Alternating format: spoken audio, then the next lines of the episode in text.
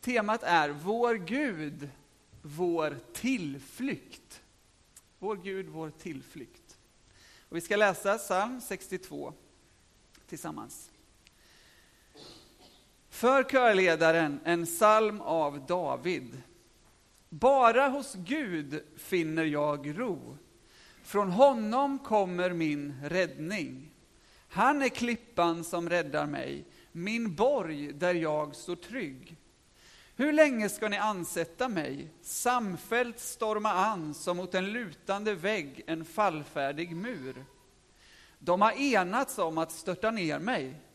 De älskar svek, med munnen välsignar de, men i sitt hjärta förbannar de. Bara hos Gud finner jag ro. Från honom kommer mitt hopp. Han är klippan som räddar mig, min borg där jag står trygg. Från Gud kommer min hjälp och min ära. Gud är min tillflykt, min starka klippa. Sätt alltid din lit till honom, du folk. Öppna ditt hjärta för honom. Gud är vår tillflykt. Bara en vindfläkt är människorna, de dödliga endast ett bländverk. Läggs de i vågskålen höjer den sig, ja, den är lättare än luft. Lita inte till våld, sätt inte ert hopp till rövat gods. Om än er rikedom växer, förtrösta inte på den. Ett har Gud talat, två ting har jag hört, att Gud har makten. Att du, Herre, är trofast. Du lönar var och en efter vad han har gjort. När vi läser Saltaren och när vi läser psalmerna så möter vi livet i alla dess former. Saltaren är ju en sångbok som användes i gudstjänsten. Och det är inte någonting som är direkt tillrättalagt i de här sångerna, i de här texterna. Det tar upp olika aspekter på vad det är att vara människa, både det positiva men också det negativa.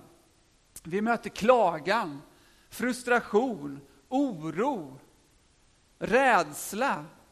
Vi möter längtan efter förändring. Men samtidigt, hand i hand med det, så möter vi glädjen, tacksamheten och tryggheten hos Gud. Hoppet om att han är med. Att han ska gripa in i det som faktiskt verkar hopplöst, i det som ansätter på olika sätt. I Psaltaren så möter vi också bekännelsen. De tillfällen där livet har gått fullständigt snett. När man har gjort det som är fel. Och så möter vi tacksamheten för att få förlåtelse, upprättelse, ja, för nåden hos Gud. Jag tycker det är bra att saltaren finns.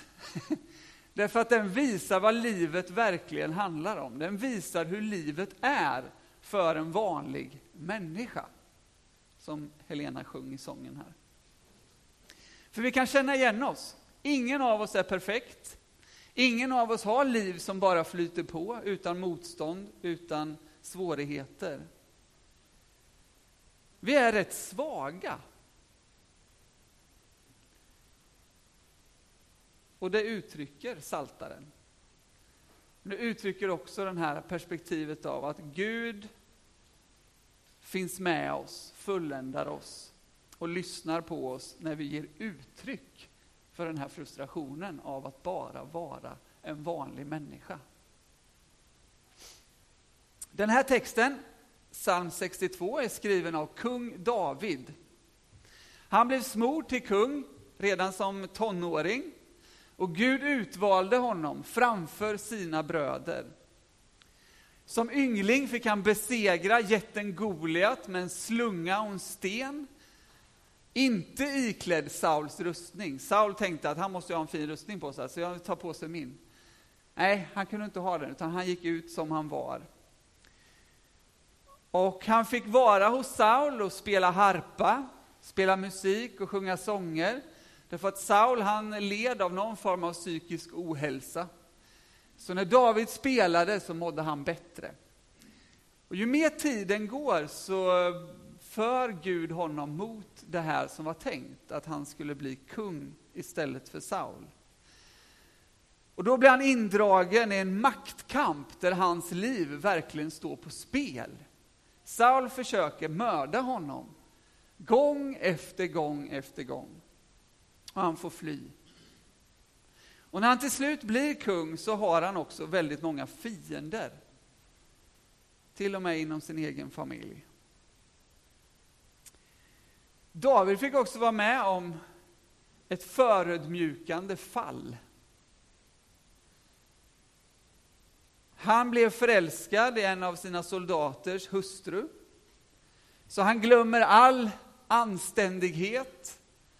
Han eh, tar den här kvinnan till sig och gör henne med barn. Och som en cover-up så dödar han hennes man. David tillrättavisas direkt av en profet som heter Natan. Och i den här tillrättavisningen så ser vi ändå Davids hjärta. Han vänder om. Han ber om förlåtelse. Och vi får se att han blir upprättad för även de här synderna som i våra ögon ses som rätt allvarliga. Eller vad tycker ni? Att sno en annans fru och mörda mannen. David lyfts upp som en förebild för oss. Inte för att han gjorde de sakerna, utan för att hans hjärta böjde sig. Och att han omvände sig och bad om förlåtelse. Och när vi läser psalmerna, som David och jag har skrivit väldigt många av, så ser vi hans kamp med att vara kung, men också med att vara människa och sin kamp med Gud. När det yttre trycker på i våra liv, när det är tuffa omständigheter, när saker händer som vi inte kan rå över, så blir gudsrelationen alltid i fokus i de flesta människors liv. Och det driver oss åt två håll. Antingen så driver det oss närmare Gud, att det driver oss till att sträcka oss mot Gud. Eller så eh, driver det oss åt att se mer på oss själva att distansera sig från Gud.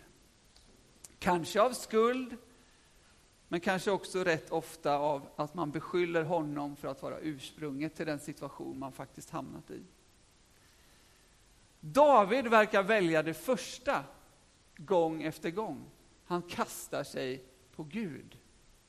Han söker Herren. Och det är på det sättet han är en förebild. I dagens text så kan vi se pressen han lever under. Han säger så här, hur länge ska ni ansätta mig? Samfällt storma an, som mot en lutande vägg, en fallfärdig mur. De har enats om att störta ner mig. De älskar svek, med munnen välsignar de, men i sitt hjärta förbannar de. Vi kan förstå att han befinner sig i en situation där han är utsatt. Och man kan känna igen sig i den här eh, beskrivningen av att känna sig som en lutande vägg. Jag vet inte hur ni känner det ibland i livet, men man känner sig som en lutande vägg. Som en fallfärdig mur. Man behöver någon som stöttar upp en, som säkrar upp. Även om det här är skrivet för väldigt många år sedan så finns det ändå en aktualitet i det som vi kan ta till oss i våra egna liv. För visst är det så att ibland blir livet inte som vi har tänkt oss. Vi hamnar i situationer där vi känner oss liksom eh, anfallna kanske. Det stormar mot oss, livets omständigheter. Det kanske är relationer som känns jobbiga. Strider, konflikter. Men det kan också handla om sjukdomar kanske. Det kan handla om lidande, både i vårt eget liv men också i andra människors liv. Situationer där vi känner att Fortsätter det här nu så faller jag. Min vägg faller. Jag kan inte stå upprätt. Jag klarar inte av det här.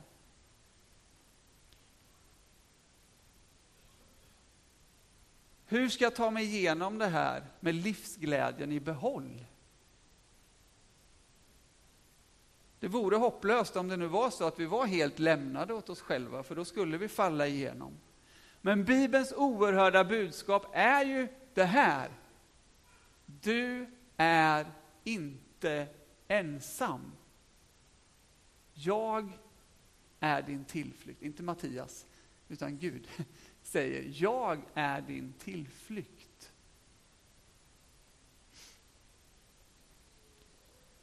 David han satte ju ord på vad det var han kände.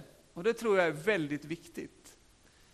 Oerhört befriande att faktiskt kunna sätta ord på vad är det jag upplever just nu.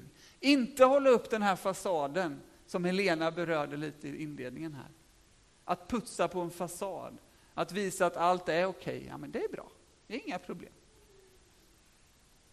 Jag tror inte vi vinner någonting på det.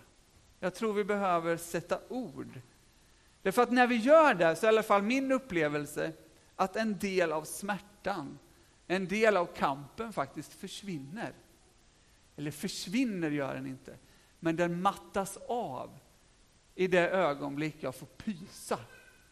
Jag får släppa ur mig lite utav det som faktiskt är tufft och jobbigt. Annars blir det lätt att tankar byggs på tankar, byggs på tankar och så bygger man upp en känsla och en, eh, en tillvaro där man till slut känner att det här går inte längre. Då kan man göra som David, man kan skriva. Eller man kan prata med någon som man har förtroende för. Eller man kan ropa ut till Gud. Det beror på vad man är för person. Och vart man finner Gud. Men David, han vände sig till Herren. Han säger så här. Bara hos Gud finner jag ro. Från honom kommer min räddning. Från honom kommer mitt hopp. Han är klippan som räddar mig. Min borg där jag står trygg. Från Gud kommer min hjälp och min ära. Gud är min tillflykt. Det här är väldigt starka ord som många genom århundradena har hämtat styrka och kraft ifrån. Och det är inte en svag förhoppning han ger uttryck för här, utan det är en förvissning. Han har upplevt det här själv. Gud är den som har gett honom ro, räddning, befrielse. Och han beskriver den här upplevelsen med bilder. Borgen, klippan. Det här är någonting man kan föreställa sig med sina ögon. Eh, en borg, en klippa. En borg, vad hade man den till? Det var ju någonting där man sökte tillflykt från sina fiender. Skyddsmurar. Där inne kunde man lagra förnödenheter. Där kunde man klara sig länge vid en belägring. Man kunde liksom eh, sitta där inne och vänta ut fienden tills de var tvungna att ge sig av åt annat håll. Det fanns höga murar man kunde gå upp på och kolla ut och få överblick över vad det var som pågick. Gud är som en borg, säger David. Han är någon som vi kan söka tillflykt i. Han är den som vill skydda oss. Han är den som vill hjälpa oss. Och hans förrådshus är fulla.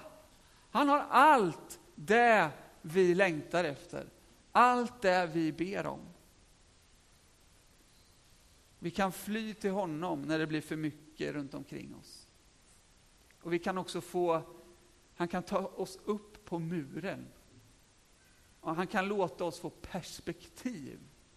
Att se ut över det som händer. Gud är också en klippa. Någonting som alltid står fast. Någonting som inte sviktar. Och jag som kommer från västkusten vet vad klippor är. Har varit ute på öarna, på Öckerö, Hönö och alla möjliga öar. Och sett hur vågorna dundrar på och vinden piskar. De rör sig inte ur fläcken. Det finns inte en chans att det rubbar sig. Vad än alla naturkrafter slänger emot dem. Gud sviktar aldrig. Klippan, bilden klippan kopplas ju till hans löften. det han har lovat. Han står fast i alla de löften han har gett. Och det kan ge oss hopp, det kan ge oss tro. Och det här med klippan, det knyter ju också an till det Jesus förkunnar om i Matteus 7, när han talar om klippan som vi ska bygga vårt liv på. Klippan som är Gud, som är Guds ord. Det är någonting stadigt, det är någonting som inte rubbar sig.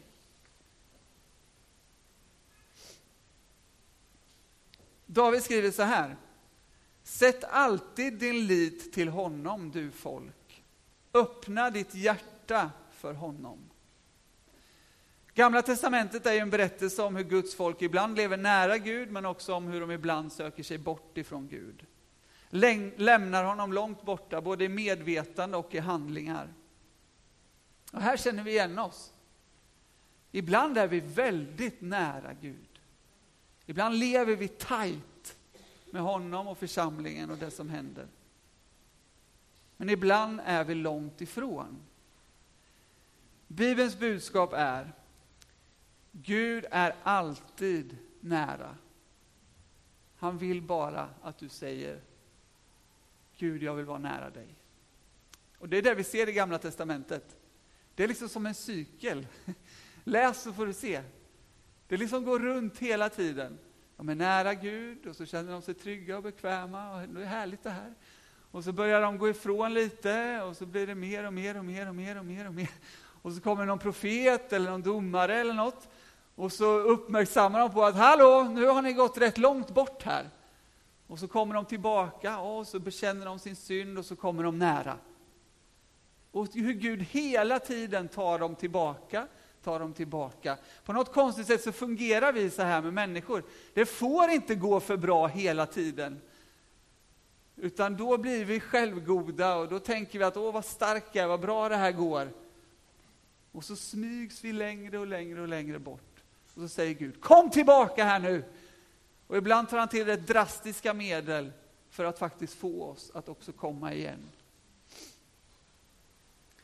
Det finns alltid tid att öppna sitt hjärta för honom. Därför att hans hjärta är alltid öppet för dig. Lukas som talar om den förlorade sonen. Hur han står och blickar ut och alltid kollar efter sin son som har vandrat ifrån.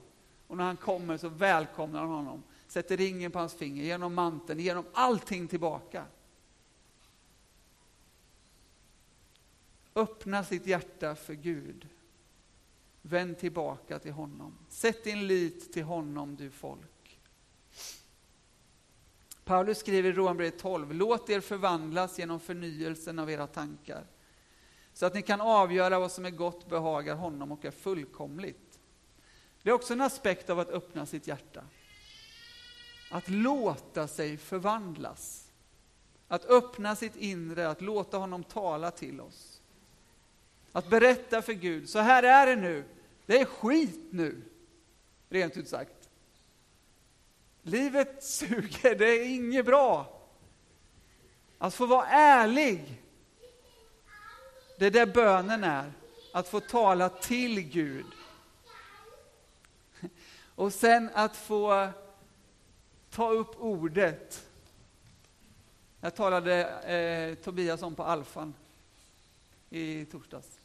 Att bönen är vi som talar till Gud. Säger vad vi känner, utgjuter våra hjärtan. Men Bibeln, där är det Gud som talar till oss. Som talar till oss. Och det är därför Jesus talar om klippan kopplat till ordet. Han säger så här, den som hör dessa mina ord och handlar efter dem är som en klok man som byggde sitt hus på berggrunden. Klippan finns där. Tron och hoppet och tryggheten som David kändes, det finns att få i ordet, i det Gud talar.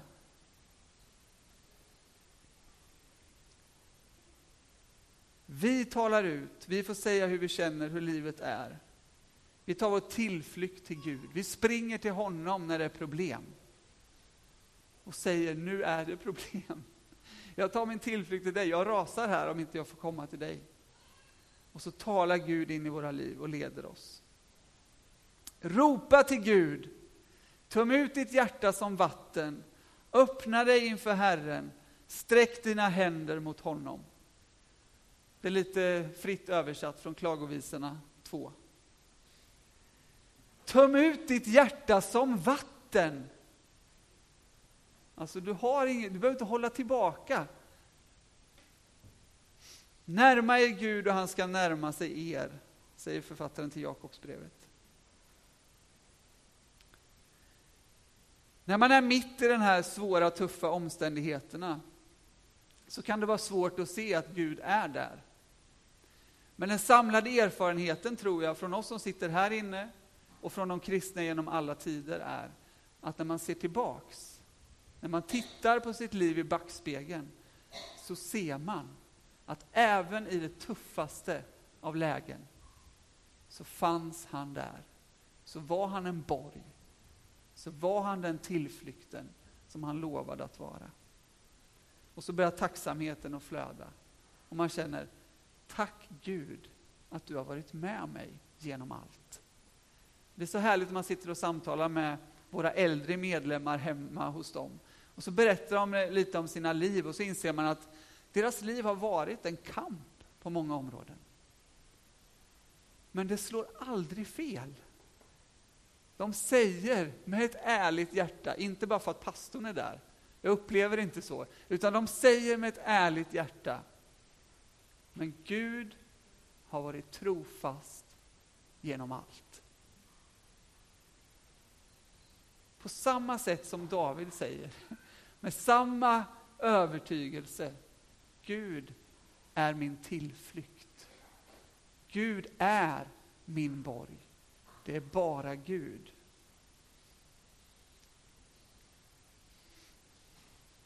Vi behöver förstå att utan Gud så är vi för små. Utan Gud så har vi ingenting. Vi behöver honom. Vi behöver söka oss till honom. Han är klippan. Det finns ingenting som vi egentligen kan förlita oss på som har med mänsklig väg att göra, för det håller inte måttet hela vägen ut.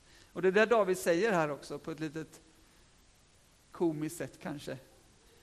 Bara en vindfläkt är människorna. De dödliga endast ett blind, bländverk. Läggs de i vågskålen höjer den sig. Ja, de är lättare än luft. Jag älskar människor. Vi kan göra storverk tillsammans, vi kan hjälpa varandra hur mycket som helst. Men ändå så är det så att vi kan inte alltid hålla vad vi lovar. Ibland väger vi ofantligt lätt. David han hade lärt sig att människor kan jag inte helt fullt ut lita på. Men Gud, som ställs i motsats till det här som är lättare än luft, är urberget, klippan. Den vågskålen den åker rätt ner i backen. Därför att han väger tyngre än allt. Allt han lovar, det håller han. Och det har giltighet i både tid och evighet. Hans löften, hans kraft, hans kärlek kommer aldrig någonsin att förändras. Kung David hade stor erfarenhet av hur Herren hjälpte honom, hur Herren beskyddade honom.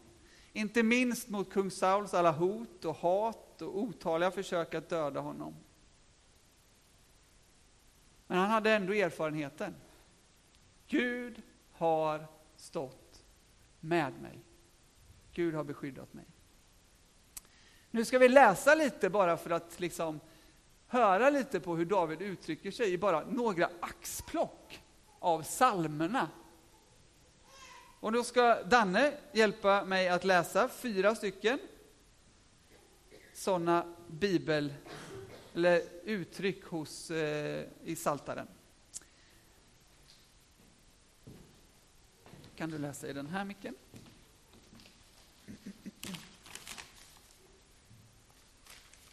Jag hade bara lite fusklapp där och så bara kolla vad det betyder.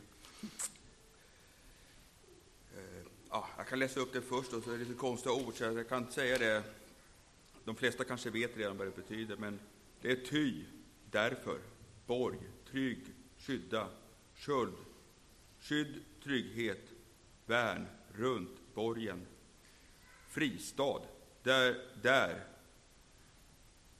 eh, magen kan göra mig illa, och smord, en som är utvald.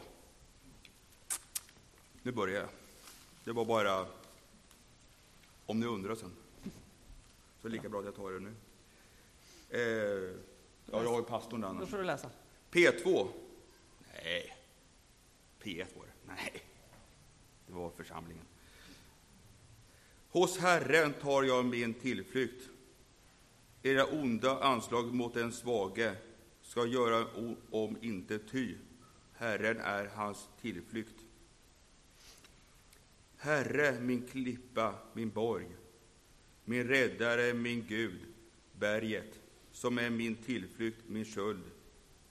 Min starka värn, min fristad, till Herren, den högt lovade, ropar jag. Jag blev räddad från min fiender.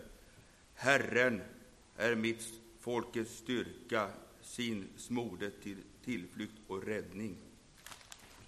Tack. Står det så här också.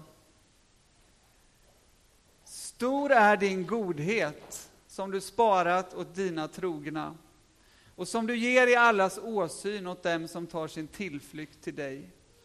Lovad vare Herren, ty han var förunderligt god mot mig i nödens tid. Din nåd är dyrbar, o Gud. I dina vingars skugga finner människor tillflykt. Gud är vår tillflykt och vår styrka, en hjälp i nöden som aldrig svikit. Och I folkbibeln så står det, en hjälp i nöden väl beprövad. Väl beprövad.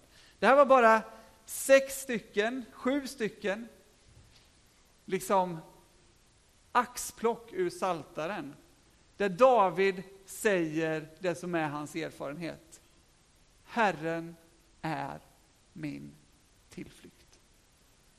Han är min borg. Han är min eh, klippa.